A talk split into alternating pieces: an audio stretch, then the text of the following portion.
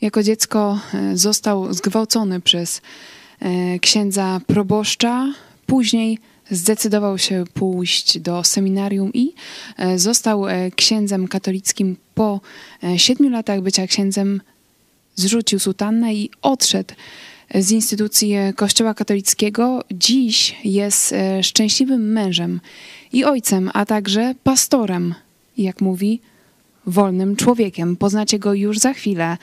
To jest program Kapłan na rozdrożu. Zapraszam.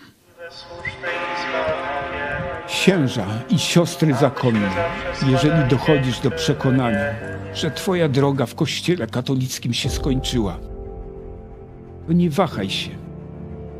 Zrób to, co uważasz za słuszne. Ja zrobiłem to 30 lat temu. Witajcie w telewizji Idź Pod Prąd. E, to jest nowy e, program na naszej antenie, czyli Kapłan na rozdrożu. Przede wszystkim wystartowaliśmy z tym projektem, e, żeby pomóc, pomóc księżom, pomóc zakonnicom, osobom duchownym w Kościele katolickim, którzy mierzą się z różnymi problemami, są w kryzysie, być może mają wątpliwości i szukają wsparcia. Także już teraz na początku zachęcamy Was do kontaktu. Piszcie do nas e, kontakt małpa. Możecie również e, pisać komentarze pod tym programem. A dzisiaj jest z nami wyjątkowy gość, były ksiądz rzymskokatolicki, a dziś protestancki pastor w Kościele Chrystusowym w RP, Lesław Juszczyszyn. Dzień dobry. Dzień dobry, witam panią, witam państwa. Cieszę się bardzo, że w końcu udało nam się e, połączyć ze mną w studio e, były ateista, a dziś protestancki pastor e, Kościoła Nowego Przymierza w Lublinie, Paweł Chojecki. Witaj. Witam bardzo serdecznie i cieszę się, że też w tym gronie będziemy mogli porozmawiać o no, kluczowych do, duchowych problemach Polski.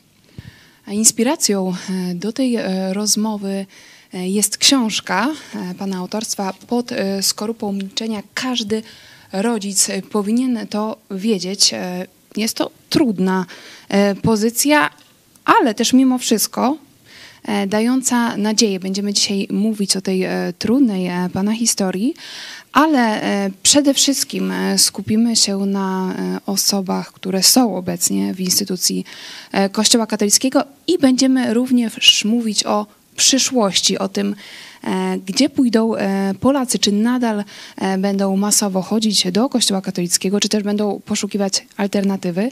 Ale na początku chciałam Pana zapytać, generalnie 18 lat temu zdecydował się Pan zrzucić sutannę i odejść z instytucji Kościoła katolickiego.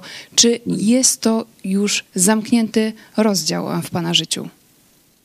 E, zamknięty, owszem, ale też e, ciągle żywy. E, dlatego, że ciągle, ciągle kontakt z ludźmi, ciągle wracają emocje i uczucia, kiedy przypominają się pewne obrazy. Także ja czasem mówię o sobie, że jestem ofiarą, jak mówimy o mojej książce pod skorupą milczenia, ale już nie żyję jako ofiara. Natomiast nie sposób się uwolnić od, E, od pewnych emocji, od wspomnień, e, od ludzi, więc e, jest to żywa historia. Rzeczywiście, Pana historia no to jest życiorys dla kilku osób. Chciałam zapytać tak osobiście, skąd w ogóle Pan wziął w sobie odwagę?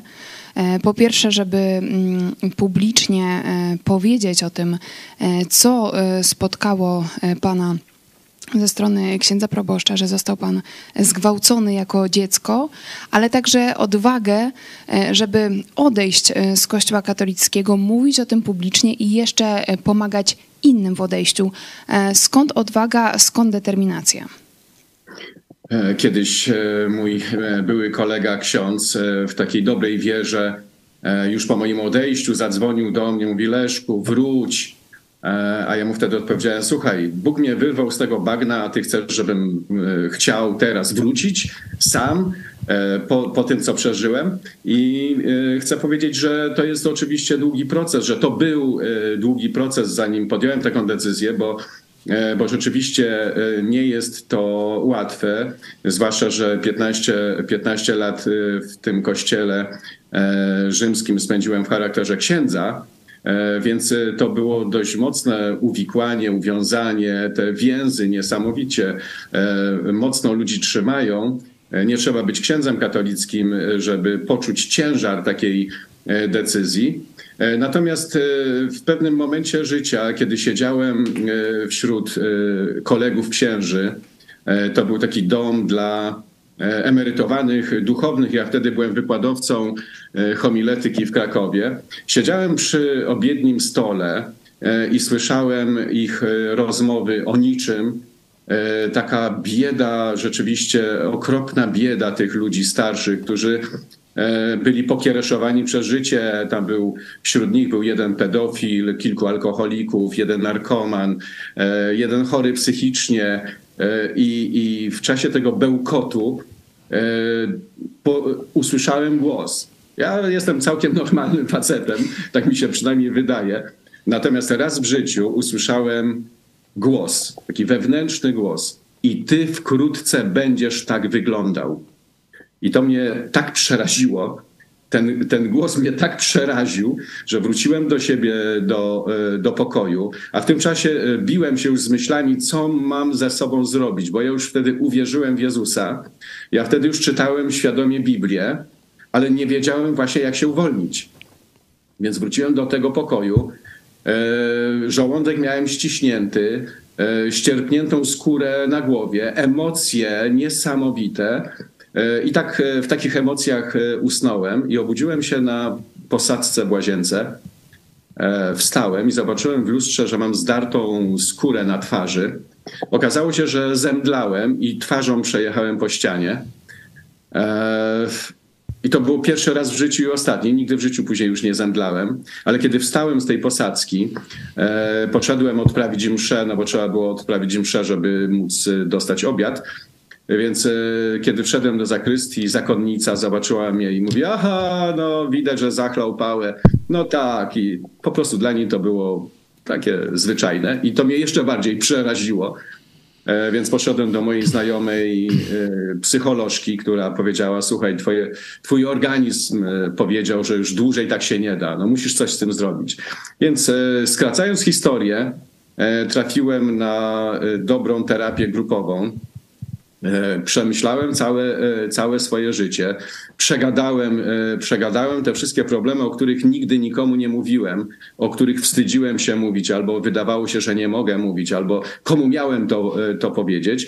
I wtedy, wtedy też po wielu, wielu tygodniach modlitwy, podjąłem taką decyzję, ale to jest długi proces, bo ja się nawróciłem tak naprawdę, kiedy byłem jeszcze księdzem katolickim, po pięciu latach bycia E, bycia funkcjonariuszem kościelnym. E, no i zacząłem czytać Biblię. I wtedy zauważyłem, że to, co jest napisane w Biblii, e, nie zgadza się z tym, z tym co, co mówię, co słyszę z ambony w kościele, że, że jest wiele rzeczy sprzecznych w tym nauczaniu kościoła rzymskiego z tym, co, co znajduje się w Biblii. I tak, I tak w takiej sytuacji chyba jeszcze pięć lat trwałem, bo myślałem, że no może uda mi się, może uda mi się w tej instytucji znaleźć swoje miejsce, może uda mi się coś zmienić, zmienić od środka. I tak przez pięć lat się łudziłem, aż w końcu stwierdziłem, że to mnie zmienia, że ja po prostu się zapadam w sobie, że, że tracę chęć do życia, E, że, że jestem na skraju wytrzymałości że muszę coś z tym zrobić, bo inaczej zginę. Więc e, to, to był taki proces e, trwający, trwający lata. Pastorze, bardzo dziękuję za tą historię w skrócie. To myślę, że szczególnie dla katolików to może być coś ciekawego. Ksiądz, który po latach mówi, że dopiero uwierzył w Jezusa Chrystusa i zaczął czytać Biblię, a przecież no właśnie, jeśli mogę, był pan kapłanem wtedy w Mogę dopytać, no katolickim. no przecież ta formacja w seminarium no, zakładała jakieś elementy czytania Biblii, poznania historii Kościoła, poznania kontrowersji, reformacja reformacja, katolicyzm, czy, czy, czy to wcześniej pastora jakoś nie, mm, nie dotknęło, że, że to coś jest nie tak, czyli dopiero tam pięć lat już kapłaństwa i dopiero wtedy ksiądz zaczyna czytać Biblię. To może dziwić kogoś e, spoza instytucji, ale e, trzeba by e, wejść w sposób myślenia, przeżywania e, katolika. Od dziecka chodzisz do kościoła, masz certyfikat, e, że jesteś ochrzczony, to znaczy jesteś chrześcijaninem, e, to znaczy, że jesteś wierzącym, E, chodzisz do kościoła, więc e, regularnie, więc e, wszystko gra. Mało tego, idziesz do seminarium, to znaczy, że jesteś tym takim no, lepszym katolikiem, takim wybranym, więc robisz studia teologiczne jako już wierzący człowiek, wydawałoby się. I tak naprawdę formację religijną tylko rozbudowujesz. E, oczywiście jest dyskietka z filozofii, dyskietka z psychologii, z duszpasterstwa. E, można, e, to jest kwestia, kwestia pakowania głowy tak naprawdę. Natomiast, natomiast jeżeli chodzi o serce, to gdzieś pozostaje niezauważone. I, ja musiałem sobie uświadomić, że, że, że potrzebuję skorzystać z tej wiedzy, którą mam o Bogu, żeby w niego uwierzyć. I e, to, to, to jest e, zagadkowe, ale rzecz polega na tym, że ja wiele razy mówiłem, że Bóg jest miłością, ale ja tego nie czułem. Ja wiedziałem, że tak jest, że tak należy mówić. Ja znałem niektóre teksty biblijne na pamięć, ale dopiero po pięciu latach bycia księdzem, kiedy pojechałem na kurs ewangelizacyjny Filip, E, na ten kurs zaprosili mnie studenci z miasteczka studenckiego w Krakowie, wtedy byłem e, duszpasterzem akademickim. E, I tam czytali, czytaliśmy głośno teksty, między innymi młoda dziewczyna zaproponowała, kiedy mówiła, kiedy mówiła o Bożej miłości, kiedy temat Bożej miłości poruszała, zaproponowała, żebyśmy przeczytali tekst z Ewangelii Jana. Tak Bóg umiłował świat, który wszyscy znamy na pamięć, e, i zaproponowała, żeby pod słowo świat podłożyć swoje imię. Więc ja czytałem, tak Bóg umiłował Leszka, że syna swego jednorodzonego dał, aby Leszek, jeśli w niego wierzy, nie zginął, ale miał życie wieczne. Ja e, rzadko kiedy się wzruszałem, e, nie pamiętam kiedy płakałem do tej pory, a wtedy zakręciła się w moim oku łza. Ja sobie uświadomiłem, że aha, to Bóg mnie kocha dla mnie, dlatego że On jest miłością. Nie dlatego, że ja e, tak się poświęcam dla Niego, że ja robię takie ważne rzeczy w kościele, e, że jestem funkcjonariuszem kościoła. Poza tym e, ja żyłem w takim przeświadczeniu, że, że jestem brudny, że, że jestem zły, że muszę, muszę zapracować dopiero, żeby pozbyć się tej historii. Ja, ty, ja tym tak nie żyłem. Ja sobie na co dzień nie uświadamiałem tego, co się wydarzyło w dzieciństwie ale to, to gdzieś we mnie odgrywało niesamowitą rolę, wprowadzało niesamowity zamęt. Ja w tym zamieszaniu, w zamęcie żyłem. I nagle te proste słowa z Ewangelii Jana tak dotknęły mojego serca, że to było wstrząsające dla mnie, bo uświadomiłem sobie, że, że jest ktoś, kto mnie kocha bezwarunkowo, pomimo że ja sam siebie nie kochałem w tym czasie. To jest e, niesamowita historia, tak jak rozumiem. To był ten moment e, przełomowy w życiu e, pastora, jeszcze wtedy e, księdza katolickiego, to może na chwilę zajmiemy się samymi księżmi, skoro można być w tej instytucji wiele lat, samemu być edukowanym w temacie Biblii, w temacie Boga, w temacie religii, uczyć innych, być kapłanem na co dzień, spowiadać innych i jednocześnie nie mieć tej osobistej relacji z Jezusem Chrystusem. I moje pytanie jest takie, Jaki jest sposób, może macie jakieś pomysły, tutaj też może nam pomoże pastor Chojecki, e, żeby księża, osoby głęboko zaangażowane e, w Kościele katolickim, żeby one sobie uświadomiły, że tak naprawdę nie wierzą e, w Jezusa Chrystusa. Choć mogą wierzyć w Jego istnienie, to nie mają z Nim osobistej relacji. Jak sobie to uświadomić? Bo to jest no, chyba taka e, trochę przerażająca prawda i też trzeba mieć odwagę, żeby w ogóle zacząć rozważać e, taką myśl. Kto pierwszy? No ja chętnie, chętnie jeszcze się włączę, e, bo przychodzi mi od razu na myśl zdanie z, z takiej małej książeczki Elementarz etyczny, którą napisał Karol Wojtyła. On nie jest dla mnie dzisiaj absolutnie autorytetem, ale w tej książeczce napisał jedną e, prawdziwą rzecz, co najmniej, co najmniej jedną. W każdym razie to, to zdanie brzmi tak, że religijność jest wykwitem ludzkiej natury religijność jest wykwitem ludzkiej natury, to jest coś naturalnego. E, ci ludzie są bardzo religijni, jak mówimy o duchownych, mówimy o księżach, o zakonnicach, e, to ci ludzie mogą być bardzo religijni. Oni mogą poświęcać życie liturgii, mogą poświęcać życie zaangażowaniu w kościele, w tych różnych formach e, działalności duszpasterskiej i, i, to, i to jest religijność ale, ale jak zauważyłem i dzisiaj mam to przekonanie, e, w wielu sytuacjach jest to e, religijność bez Boga tak naprawdę. Tak jak pani powiedziała, bez tej osobistej e, relacji z Jezusem. E, I, I, to, jest, to jest ten kłopot. Chodzi o to, żeby, e, żeby pomóc e, ludziom zobaczyć, że owszem, są, religii, są religijni, ale nie mają, nie mają osobistej relacji, że powinni zadbać o tą osobistą relację. I niedawno zadzwonił do mnie znajomy, były ksiądz, któremu pomogłem odejść kilka lat temu z kościoła. I z takim żalem, żalem powiedział: No, jak patrzę na ciebie, to to tak, tak tęsknię, tęsknię za tym, żeby służyć Bogu. Jest we mnie taka tęsknota, ale ja już nie wierzę w Boga. Straciłem wiarę w Boga.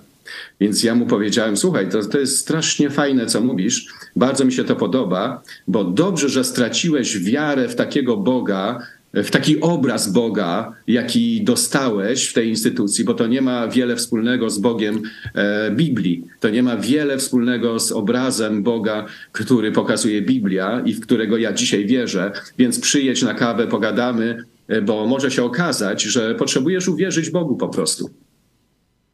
A, czyli z tego, co rozumiem, też e, warto pokazywać, no mówimy o księżach, ale myślę, że też mamy na myśli wszystkich Polaków że Kościół katolicki jako instytucja to nie jest Bóg, że to są dwie odrębne rzeczywistości. Pastor Paweł Chojecki. No tu ciekawe, mm, co słyszę o tym właśnie, że to świeccy pastora no, skłonili do takiej refleksji nad sobą do później e, czytania Biblii, no bo to jest e, ważny kierunek, w jaki sposób Ewangelia ma dotrzeć do e, księży katolickich, no właśnie przez świeckich, którzy już, można powiedzieć, odważniej troszkę rozpoczęli swoje poszukiwania, no bo ksiądz, no trzeba jasno powiedzieć, ksiądz ma taką formację dosyć, że tak powiem, sztywną, i ma też wypełniony czas przeróżnymi obowiązkami religijnymi. Może być, nie ma czasu na myślenie o Bogu. Dokładnie tak. Dokładnie to chcę powiedzieć, że świeccy e, mają, świeccy katolicy mają więcej czasu, swobody i pewnej odwagi pójdą do protestantów, wezmą Biblię, przeczytają protestancką książkę, no nikt im krzywdy wielkiej dzisiaj w Polsce nie zrobi. A ksiądz y, złapany na czymś takim, a to już troszeczkę mogłoby być gorzej. Czyli świadectwo życia świeckich katolików, myślę, że tu jest bardzo, bardzo ważne. I drugi taki aspekt to trzeba pamiętać, że tutaj pastor chyba celowo używa te, tego, tego takiego określenia E, że to są jak gdyby tacy urzędnicy systemu. Funkcjonariusze. Funkcjonariusze, czyli urzędnicy systemu. Tak, to zgadzam się z tym mm, określeniem. E, kiedyś rozmawiałem z księdzem profesorem Jerzyną, który e, był duszpasterzem tej naszej grupy oazowej i on publicznie mówił, że w jego czasach, czyli no on był gdzieś w latach 70. w seminarium, to tylko mniejszość kleryków miała jakąś sferę, rozbudzoną sferą, sferę duchowości. Większość szła tam po dobrze płatny zawód, już wtedy. Nie? E, rozumiem, że za czasów pastora było jeszcze gorzej. No, za, za moich czasów e, to były czasy tego takiego triumfalnego panowania Jana Pawła II w Watykanie. To wtedy były te te liczne powołania, seminaria pękały w szwach wtedy, więc to, to był rzeczywiście taki triumfujący E, Kościół. Natomiast jeżeli chodzi o duchownych, o e, jakie trudności dodatkowe mają, no mają takie, e, takie trudności, że mają tylko teologię skończoną, tak naprawdę. Są magistrami teologii, mogą być ewentualnie katechetami, no ale jak zrezygnują z instytucji, to, to nikt ich nie przyjmie do pracy, na przykład w szkole w charakterze katechety, wręcz przeciwnie, dostają wilczy bilet E, I może być tak, jak się zdarzyło z pastorem obecnym e, Dariuszem Suszkiem, e, który wystąpił z Kościoła Rzymskiego razem z, z częścią grupy charyzmatycznej. No i przez długi czas nie mógł dostać pracy. Wszyscy odmawiali mu, odmawiali przyjęcia go do jakiejkolwiek pracy w, w miasteczku, w, w którym to się działo. E, I w końcu zdesperowany poszedł e, na jeszcze jedno spotkanie, a szefowa firmy mówi e, przy pierwszych zdaniach, przy powitaniu, mówi, tak, przyjmuję pana. Mówi, ale ja jeszcze nie powiedziałem nic o sobie. Mówię, nie, nie potrzebuje pan nic mówić. Z kurii do mnie dzwonili i ostrzegali mnie przed panem i mówili, żeby pana nie przyjmować do pracy, więc nie lubię ich i dlatego pana przyjmie. więc przyjęła go do pracy. E, natomiast e, dylemat jest taki, że, że duchowni e, po iluś latach spędzonych w seminarium, ze znajomością jedynie teologii, a większość tak, tak właśnie funkcjonuje, po, po latach ewentualnie spędzonych jeszcze na plebanii, wychodzą, wychodzą na ulicę jak, jak z więzienia, i, i, nie są w stanie się odnaleźć. Także świeccy mają rzeczywiście w tym sensie łatwiejszy, łatwiejszy moment i, i, niż, niż duchowni. Jakby wie, mają mniej do stracenia. Duchowni mają więcej do stracenia, bo mogą zostać na lodzie, bo zrywają się wszystkie więzi. Czasem nie mają dokąd wrócić. Ja znam takie sytuacje, kiedy siostry zakonne nie mogły wrócić do swojego domu rodzinnego społeczności się e, wypierają tych ludzi. E, więc e, to, to, to są rzeczywiście czasem poważne problemy, i, i tu jest potrzebna pomoc, jak mówimy o duchownych, o zakonnicach, potrzebna jest taka systematyczna pomoc duchowa, psychologiczna, czasem materialna i w ramach, w ramach fundacji, w której jakiś czas temu pracowałem, proponowaliśmy nie tylko E, coaching, ale również pieniądze, przynajmniej na pierwszy miesiąc życia, jeżeli e, albo na dwa miesiące, żeby ktoś mógł się po prostu odnaleźć w życiu. Tak, właśnie Wiem, podobne. Że pomógł e, pastor wielu, e, e, wielu e, księżom i my też tutaj w telewizji Idź Pod Prąd, no ta idea tego programu to jest nie tylko program, ale też szersza inicjatywa. Program rozumiany właśnie jako sposób pomocy, mhm. żeby tym, którzy się zdecydują, czy siostry zakonne, czy księża, właśnie takiej szerokiej pomocy udzielić. I niekoniecznie mm, chodzi o też y, taką, jak gdyby, e, drogę, że wszyscy muszą później y, zostać pastorami czy służyć w kościele. Nie, no, niech po prostu będą uczciwymi ludźmi, przestaną służyć złej organizacji, zajmą się jakąś twórczą pracą w dowolnie przez sobie wybranym polu. Ale Ostatnio chciałem... ksiądz profesor Andrzej Kobeliński na antenie naszej telewizji mówił, że rocznie odchodzi e, z instytucji Kościoła katolickiego od 100 do 200 księży. Także widać, że ta e, no, grupa, no, co roku są nowe osoby, które e, potrzebują takiego wsparcia. I właśnie o to chciałem pastora zapytać pod e, programem, tam już mającym swoją historię sprzed paru miesięcy, zdaje się, z mecenasem Nowakiem. Tam przeczytałem komentarz o pewnym bezdomnym, który, który jak się okazało, był właśnie byłym księdzem, który znikąd nie uzyskał pomocy, wylądował właśnie w bezdomności i ktoś dał mu pracę tam w jakiejś firmie budowlanej. Czy takich przypadków, gdzie mm, dzisiaj już, nie mówię o historii, ale że dzisiaj księża czy zakonnice odchodząc od y, instytucji Kościoła Rzymskiego nie mają znikąd y, pomocy i lądują gdzieś w bezdomności, czy, czy gdzieś muszą wyjechać za granicę, czy jest procentowo dużo spośród tych właśnie 100-200, którzy odchodzą? E, Zdarzają się takie, takie sytuacje, kiedy ludzie sobie kompletnie nie radzą z życiem, bo właśnie, bo stracili kontakty w kościele, bo stracili kontakty z tak zwanymi parafianami. Większość ludzi się odwraca, w związku z tym, jeżeli nie mają dodatkowych możliwości studiów, jakiegoś przygotowania, ja mam skończone technikum mechanizacji rolnictwa, więc przynajmniej jestem traktorzystą i zawsze mogę robić takie rzeczy. I robiłem na początku takie rzeczy. Pracowałem na, na placu budowy, zbierałem śmieci, sprzątałem plac budowy. Od tego zaczynałem w każdym, w każdym razie. Natomiast są też takie sytuacje, jak zdarzył mi się jeden taki przypadek. Jeden, jeden młody ksiądz, który odszedł i przyszedł właśnie z prośbą o pomoc. I znalazłem, znalazłem dla niego bardzo szybko pracę w kopalni. Okazało się, że jest zdrowy. Zapytałem go, czy ma zdrowy kręgosłup, czy, czy jest zdrowy, tak.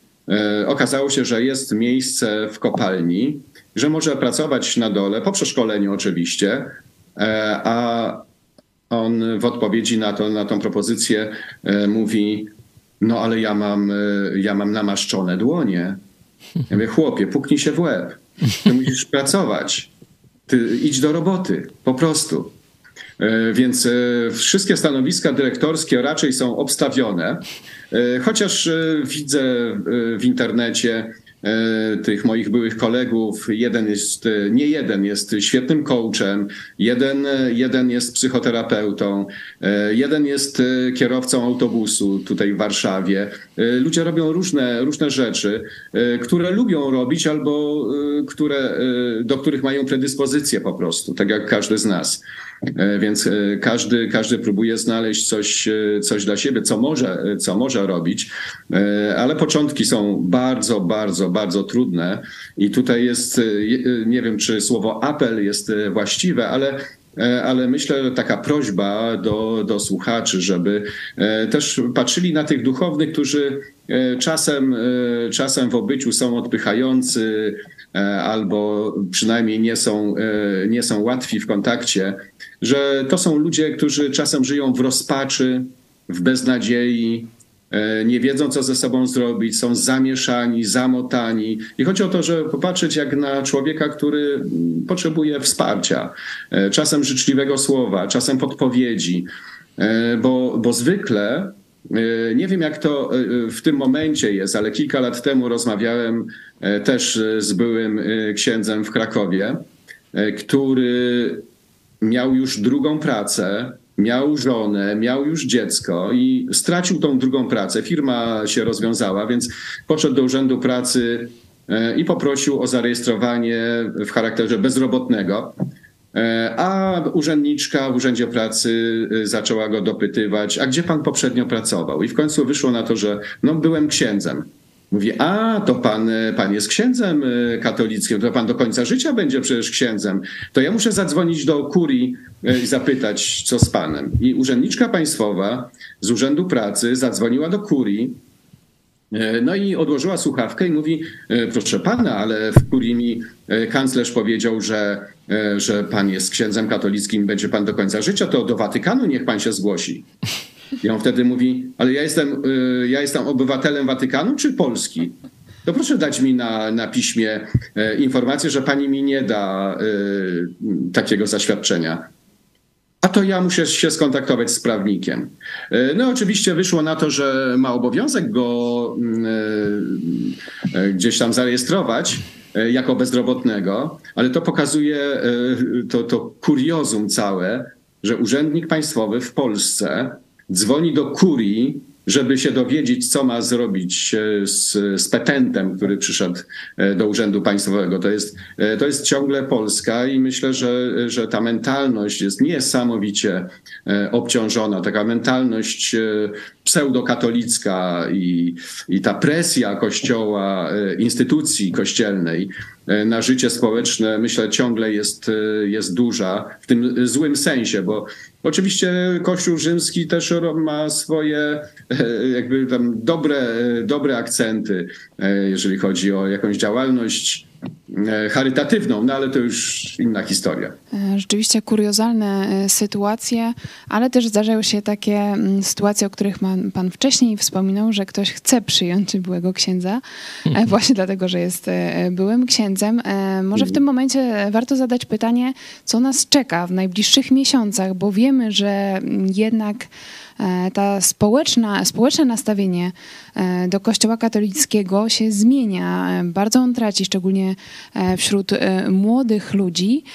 I czy w tym kontekście możemy się spodziewać jakiejś zmiany? Może macie też jakieś nowe pomysły, marzenia na ten rok, jeśli mówimy szczególnie o pomocy tym, którzy jednak rozważają odejście z instytucji Kościoła katolickiego? Pastor Paweł Chojecki. Mhm. No, trzeba powiedzieć, że kiedy reformacja rozpoczynała się, to wielu pierwszych pastorów to byli byli księża. No, także zakonnice odchodziły, no, żona Lutra to była e, zakonnica, także reformacja, przynajmniej na początku, zanim już samodzielnie e, no, instytucje kościołów protestanckich zaczęły kształcić przyszłych e, pastorów czy innych pracowników kościoła, no to to był masowy, można powiedzieć masowy, masowe takie odejście, szczególnie w Niemczech, ale także i w Polsce miało to miejsce właśnie z kapłaństwa, rozumienie Biblii, tak jak pastor to powiedział, samodzielna lektura Biblii, osobiste przyjście do Jezusa, no i chęć dalej służenia ludziom, bo y, nie wiem, czy 10 czy 20% kleryków, no idzie, y, chcąc służąc, służyć Bogu i ludziom. Nie? I to jest y, ten nasz target, można powiedzieć. Jeśli chcą prawdziwie, z głębi swojego serca służyć Bogu i ludziom i poznają prawdę Słowa Bożego, poznają osobiście Jezusa Chrystusa, no to cóż stoi na przeszkodzie przeszkodzie, żeby po pewnym czasie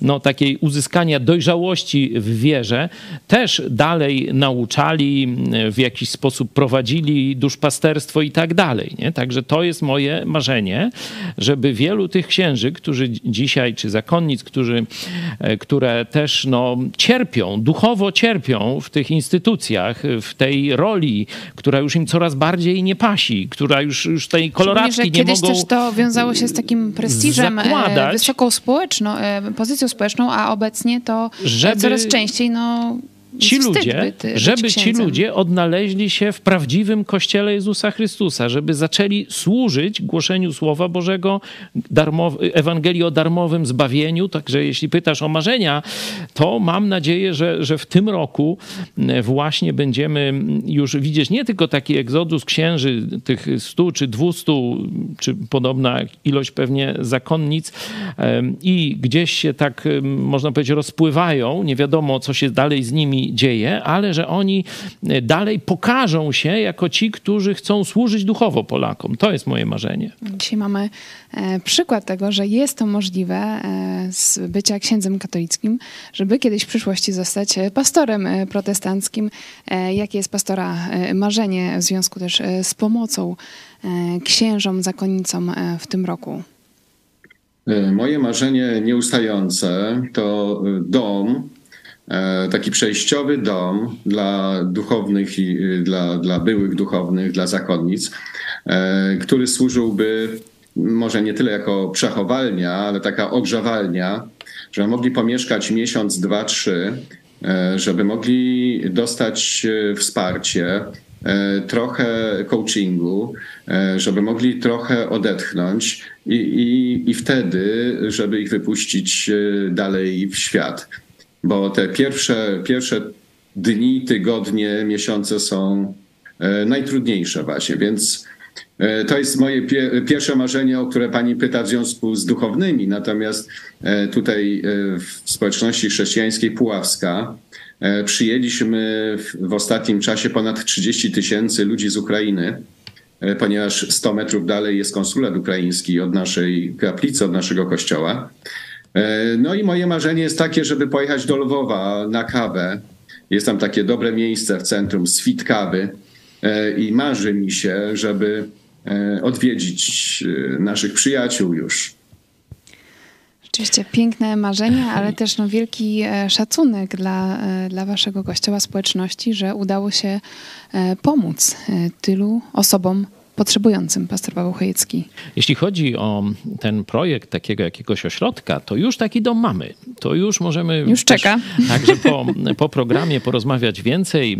Tu nasz przyjaciel, dzisiaj też pastor Kościoła Domowego, były ksiądz Jurek, też już mm, chciałby się podjąć takiej pomocy właśnie jakiejś duszpasterskiej, psychologicznej tym, którzy by chcieli e, mm, zmienić ten świat z, z religii rzymskiej z bycia funkcjonariuszem na wolny świat w Jezusie Chrystusie.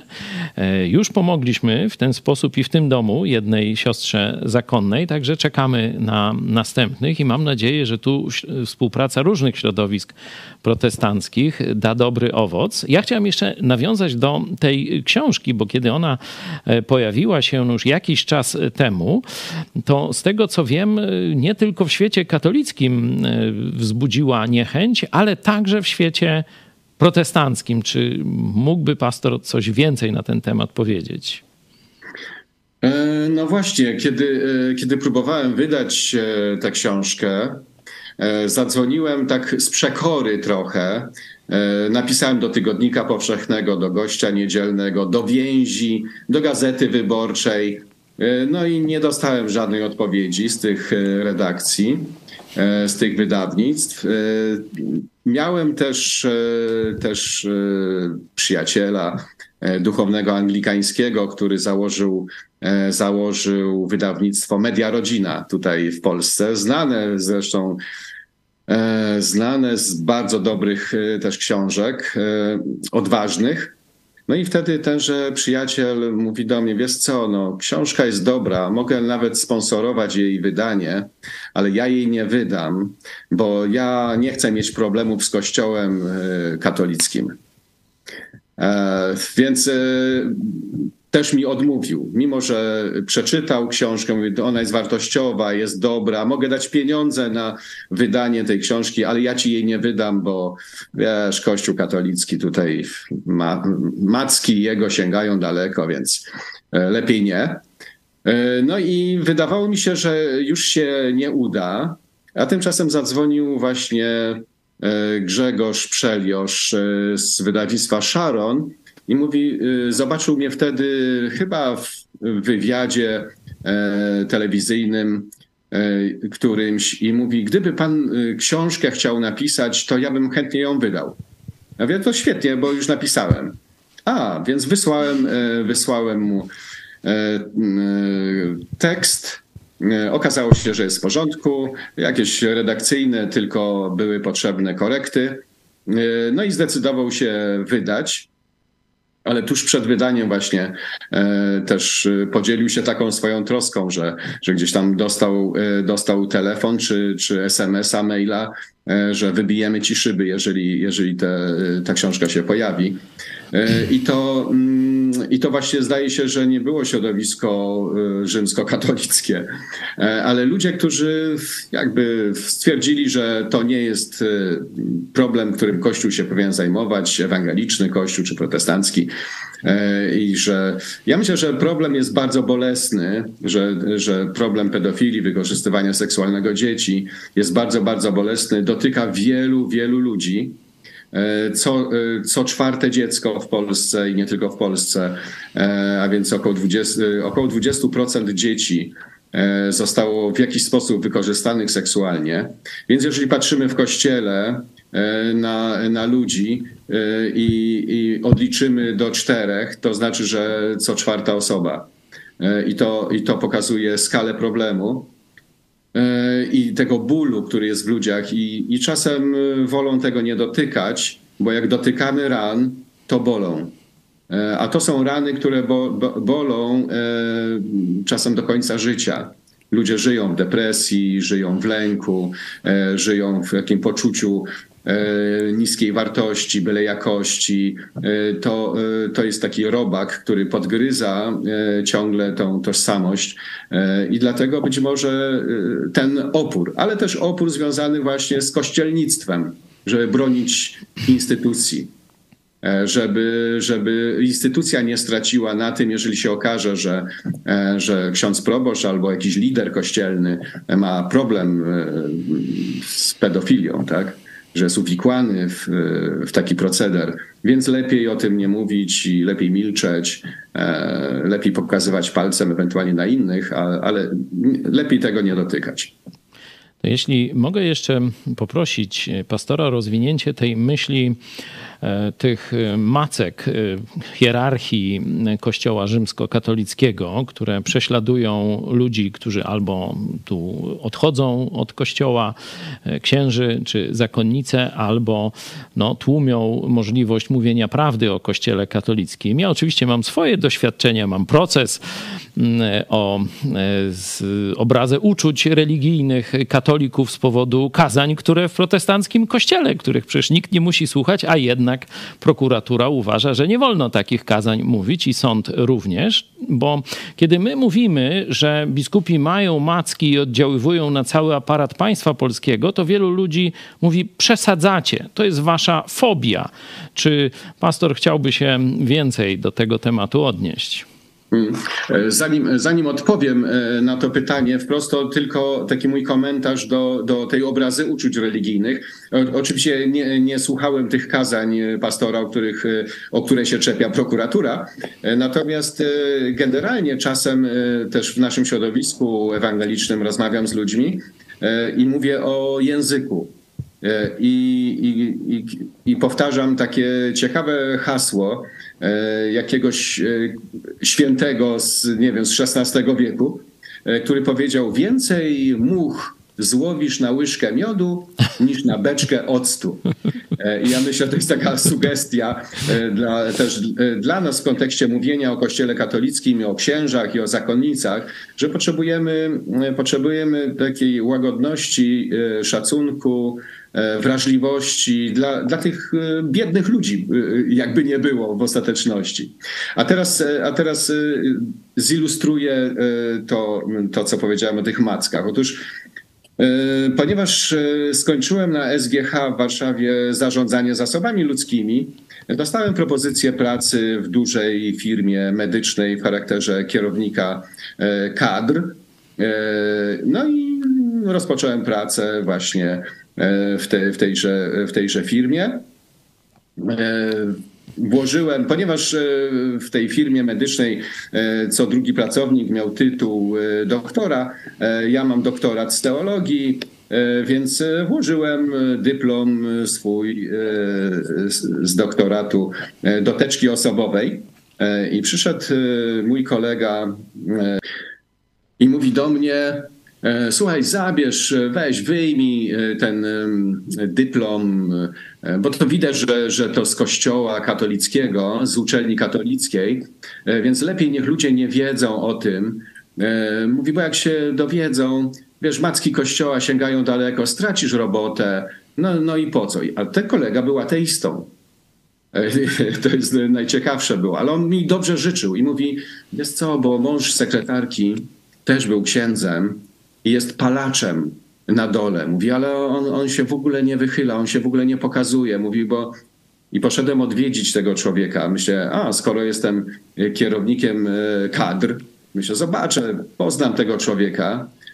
I on pracował, był palaczem rzeczywiście i pracował w najgłębszym miejscu tego zakładu i koło pieca, stał koło pieca, umorus, umorusany e, tym pyłem węglowym i nie chciał rozmawiać. On po prostu pracował tam kilkanaście lat. E, I w jego teczce osobowej był, było tylko świadectwo ze szkoły średniej. On się nie chciał przyznać e, nikomu. I to była wielka tajemnica, że, że, że, że jest e, księdzem, że był księdzem. Dlatego, że wielu nie mogło, nie mogło znaleźć pracy. Dostawało wilczy bilet. No, najlepszym przykładem jest profesor Stanisław Obirek, Nie wiem, czy, czy Państwo pamiętacie, że kiedy odszedł z instytucji kościoła, to automatycznie stracił pracę w szkole imienia Tischnera. I sprawa trafiła do sądu. No i został przywrócony do, do, do pracy na uczelni, ale z automatu został, został usunięty został usunięty ze stanowiska wykładowcy. Tylko dlatego, że, że miał odwagę zrezygnować z funkcji księdza. Więc te dwie rzeczy nie, nie miały ze sobą nic wspólnego. Więc ludzie, którzy, którzy odchodzą, no, muszą się liczyć z takim walcem, który może po nich przejechać i zmiażdżyć ich. Nie wiem, czy pamiętacie sytuację z księdzem, który E, który e, skierował sprawę biskupa Wesołowskiego, e, tego, który wykorzystywał seksualnie kleryków. I, I, jeden z księży, jeden z duchownych postanowił głośno o tym powiedzieć. I on między innymi występował przeciwko biskupowi Wesołowskiemu. No i, i został wysłany do Afryki. E, w ramach, e, w ramach nagrody. I potem z tej Afryki pisał listy, e, przepraszał, że zranił Kościół, bo chciał wrócić do Polski. Więc, więc mm, no, człowiek, mówi, mówi się tak oficjalnie w Kościele rzymskim, że, że człowiek jest drogą Kościoła. A tak naprawdę człowiek człowiek, jednostka, to jest takie ziarenko piasku, które można zmiażdżyć, nikt nie zauważy. E, kiedyś e, ktoś powiedział do mnie, ostatnie, ostatnie moje miejsce pracy to, to Warszawa, Kościół Świętego Krzyża. Ja miałem dobre relacje z ludźmi, E, i ktoś zapytał proboszcza, a gdzie jest Leszek? Co się z nim stało? To mówi, a ja nie wiem, ja nie wiem, gdzie on się, ja, ja nie wiem, no gdzieś wyjechał. Ale gdzie wyjechał? A ja nie wiem. A ja mieszkałem w Warszawie wtedy. I on dobrze wiedział, że mieszkam w Warszawie, ale po prostu przestałem istnieć e, dla wielu ludzi. E, zresztą, kiedy, kiedy, już, kiedy już miałem dziecko i kiedy, kiedy miałem żonę, mieszkałem w Krakowie, E, to zacząłem dostawać e, SMS-y z pogróżkami. Między innymi e, powtarzał się taki SMS: My cię obserwujemy, wiemy, gdzie jesteś, wiemy, co robisz, uważaj. I moja żona się w pewnym momencie przestraszyła, bała się wychodzić z synkiem do piaskownicy. I okazało się, że to był diakon katolicki z Krakowa, który wysyłał, wysyłał te SMS-y. Więc E, to, to może być e, niszczenie takie instytucjonalne ludzi, ale to może być takie niszczenie też poprzez relacje. Ja dostawałem za każdym razem, kiedy wychodziłem z telewizji, bywało, że zjeżdżałem windą e, w dół ze studia telewizyjnego i już dostawałem SMS-y: Ty Judaszu, ty zdrajco, ty oszuście. Nie było to przyjemne, oczywiście. E, no i w tej początkowej, fazie no, nie miałem zbyt wielu popleczników. Dlatego kończąc ten wywód powiem, no bądźmy życzliwymi ludźmi dla, dla katolików, e, dla, dla ludzi e, w kościele katolickim, bo instytucja to jedno, natomiast ci zwiedzeni ludzie, ci oszukani ludzie to jest druga sprawa. Ja myślę, że że to, e, to, co Jezus powiedział, że e, komu więcej dano, więcej wymagać od nich będzie, że to dotyczy właśnie tego establishmentu w kościele rzymskokatolickim. Że ci ludzie, którzy głoszą rzeczy sprzeczne z Biblią, oni odpowiedzą przed Bogiem za to, za to co, co robią, za, za oszustwo, w jakim nie tylko sami tkwią, ale w jakie wprowadzają ludzi ale, ale potrzebujemy zatroszczyć się o ludzi, którzy są oszukani, którzy mają przekonanie, że, że są we właściwym miejscu, bo no, od dzieciństwa słyszą o tym, że to jest no, jedy, jedyne miejsce, gdzie jest zbawienie.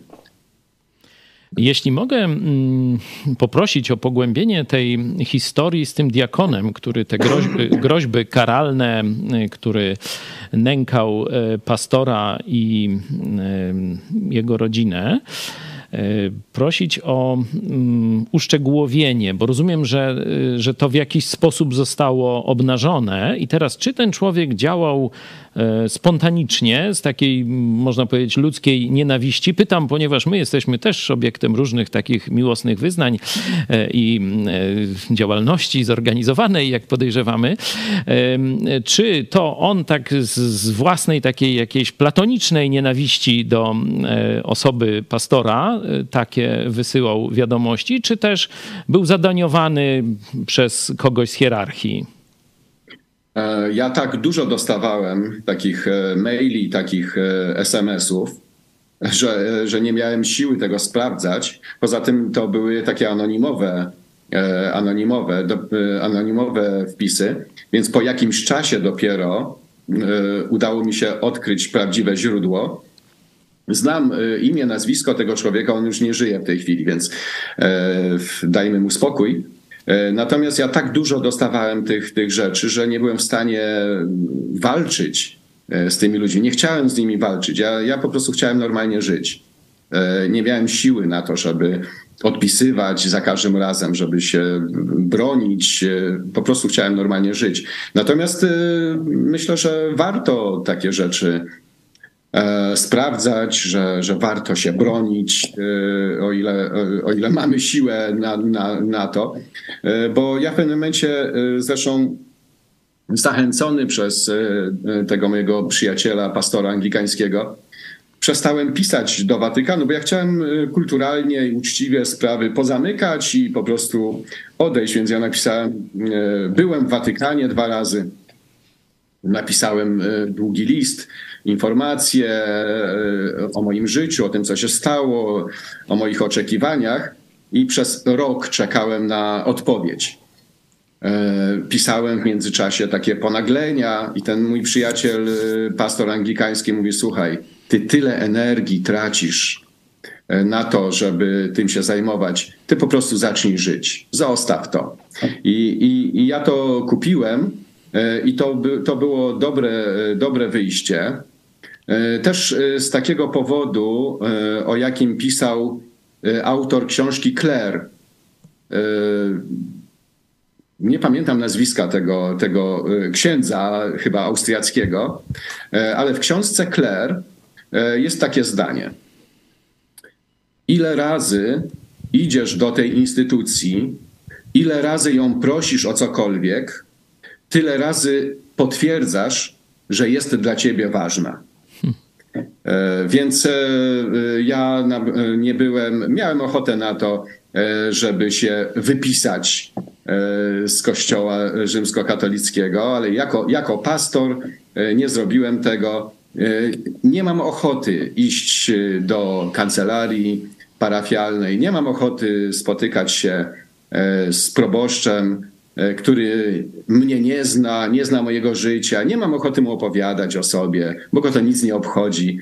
Tak jak mi to e, powiedział e, pewien mądry człowiek, katolik z Bostonu, jak dobrze pamiętam, do dzisiaj chyba jest, jest katolikiem, był doradcą biskupa. Ja miałem okazję go spotkać kiedyś w Krakowie, kiedy właśnie decydowałem się na wyjście z kościoła katolickiego i nie miałem odwagi, siły, takiej pewności jeszcze, E, a on mówi do mnie tak. Mówi, słuchaj, weź porozmawiaj z ojcem, podejmij decyzję i przekaż tylko decyzję swojemu biskupowi. Ja taki zdziwiony na niego patrzę. On, on mówi, no słuchaj, no porozmawiaj z ojcem, e, porozmawiajcie sobie, podejmij decyzję i tylko ogłoś tą decyzję. Po prostu no, odchodzisz z pracy. No ale ja jestem, no, no wiesz, no, te święcenia kapłańskie. A mówi, no tak, ale ja widzę, że, że ty nie czujesz się synem.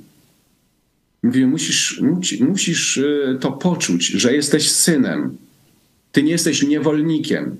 Mówi, myślisz, że, że biskupa obchodzi twoje życie, że, e, że, że pojedziesz do Watykanu i tam kogoś obchodzi twoje życie? To ty się musisz zatroszyć o swoje życie. Dlatego mówię, porozmawiaj z ojcem, ale ty nie czujesz, że jesteś synem. Zacznij się o to modlić, o to poczucie, że jesteś synem.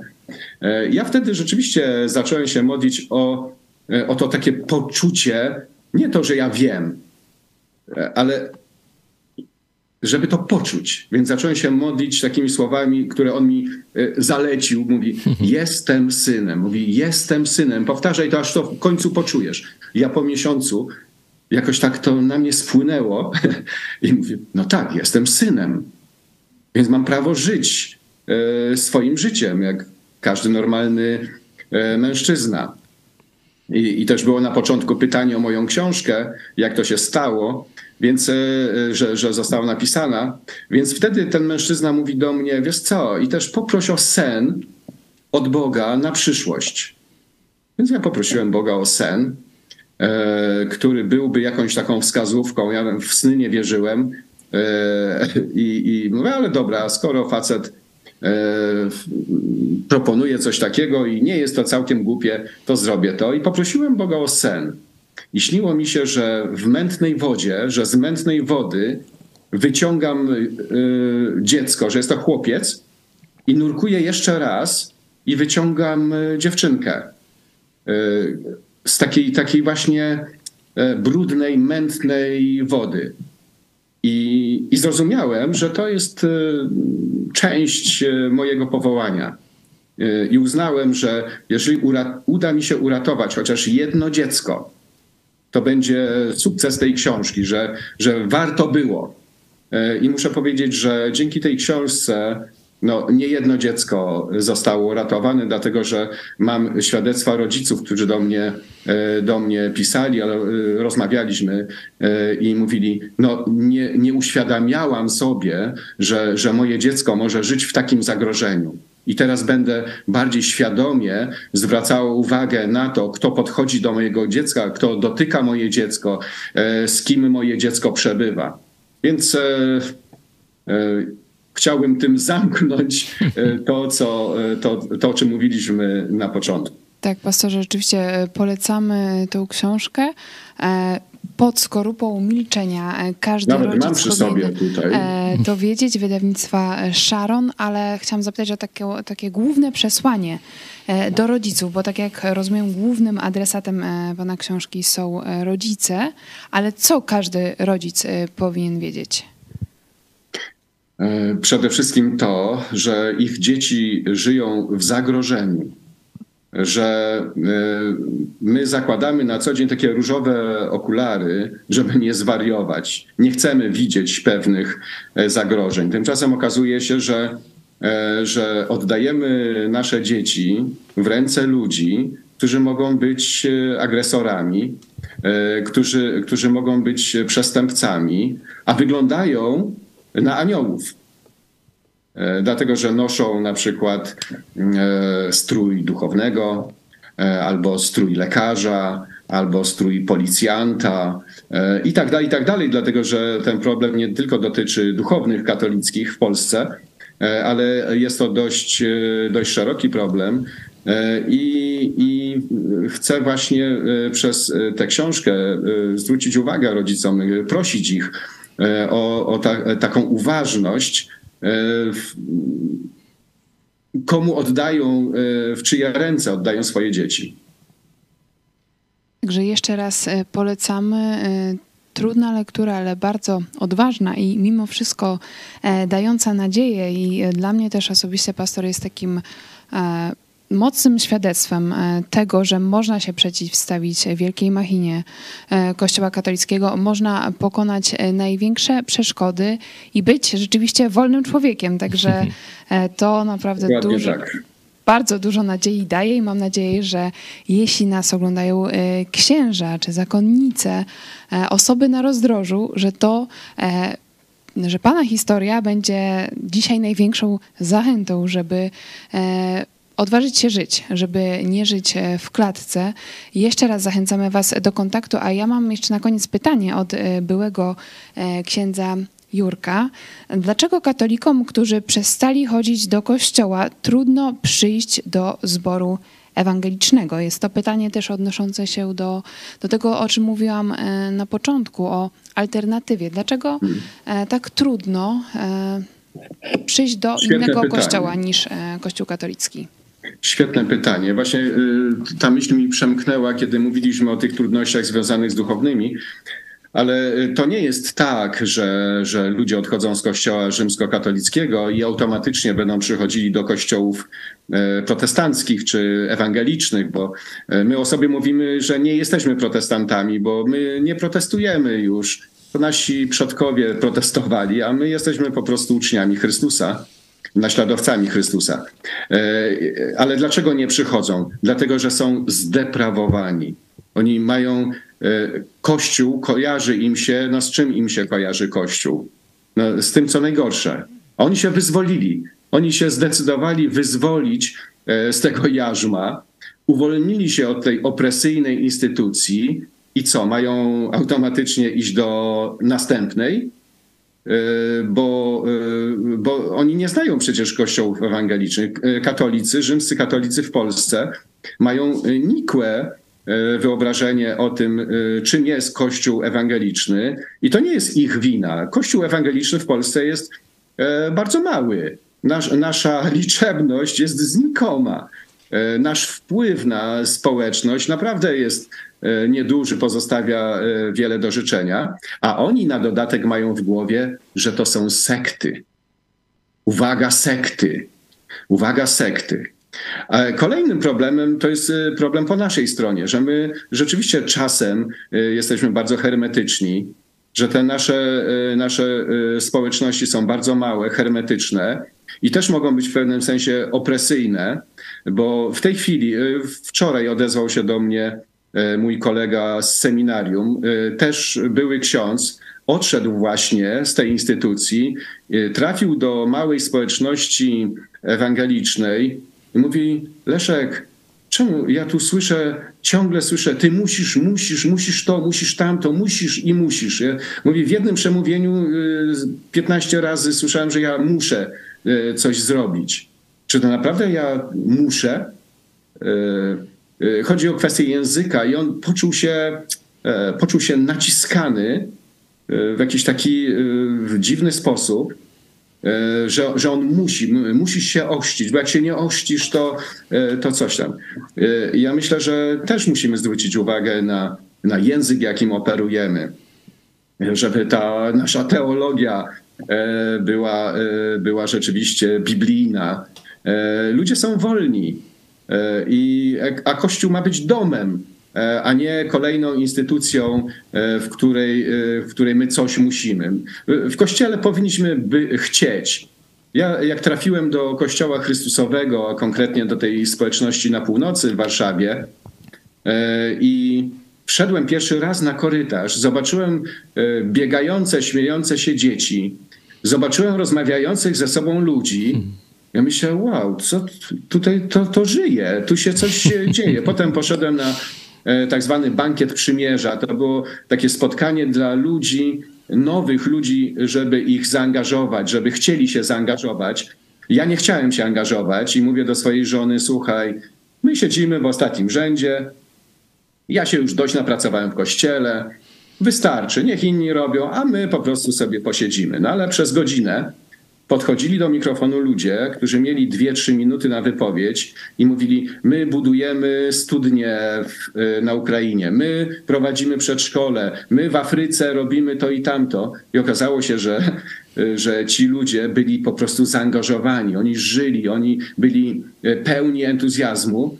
No i po godzinie mówię do, do swojej żony: Słuchaj, no zdaje się, że nie będziemy mogli spokojnie tutaj siedzieć. No i się zaangażowaliśmy. Ona e, zaczęła śpiewać, a, a ja e, z, z, Grzegorzem Baczewskim, bo on tam pracuje ciągle na północy, e, stworzyliśmy poradnię chrześcijańską, więc i ta poradnia do dzisiaj funkcjonuje i Grzegorz, Grzegorz z innymi ludźmi to, to robi, ale wiedziałem, że ja nie mogę siedzieć. To było naturalne, że ja się muszę zaangażować, ale nie dlatego, że ktoś mnie zmusza, dlatego, że ja chcę.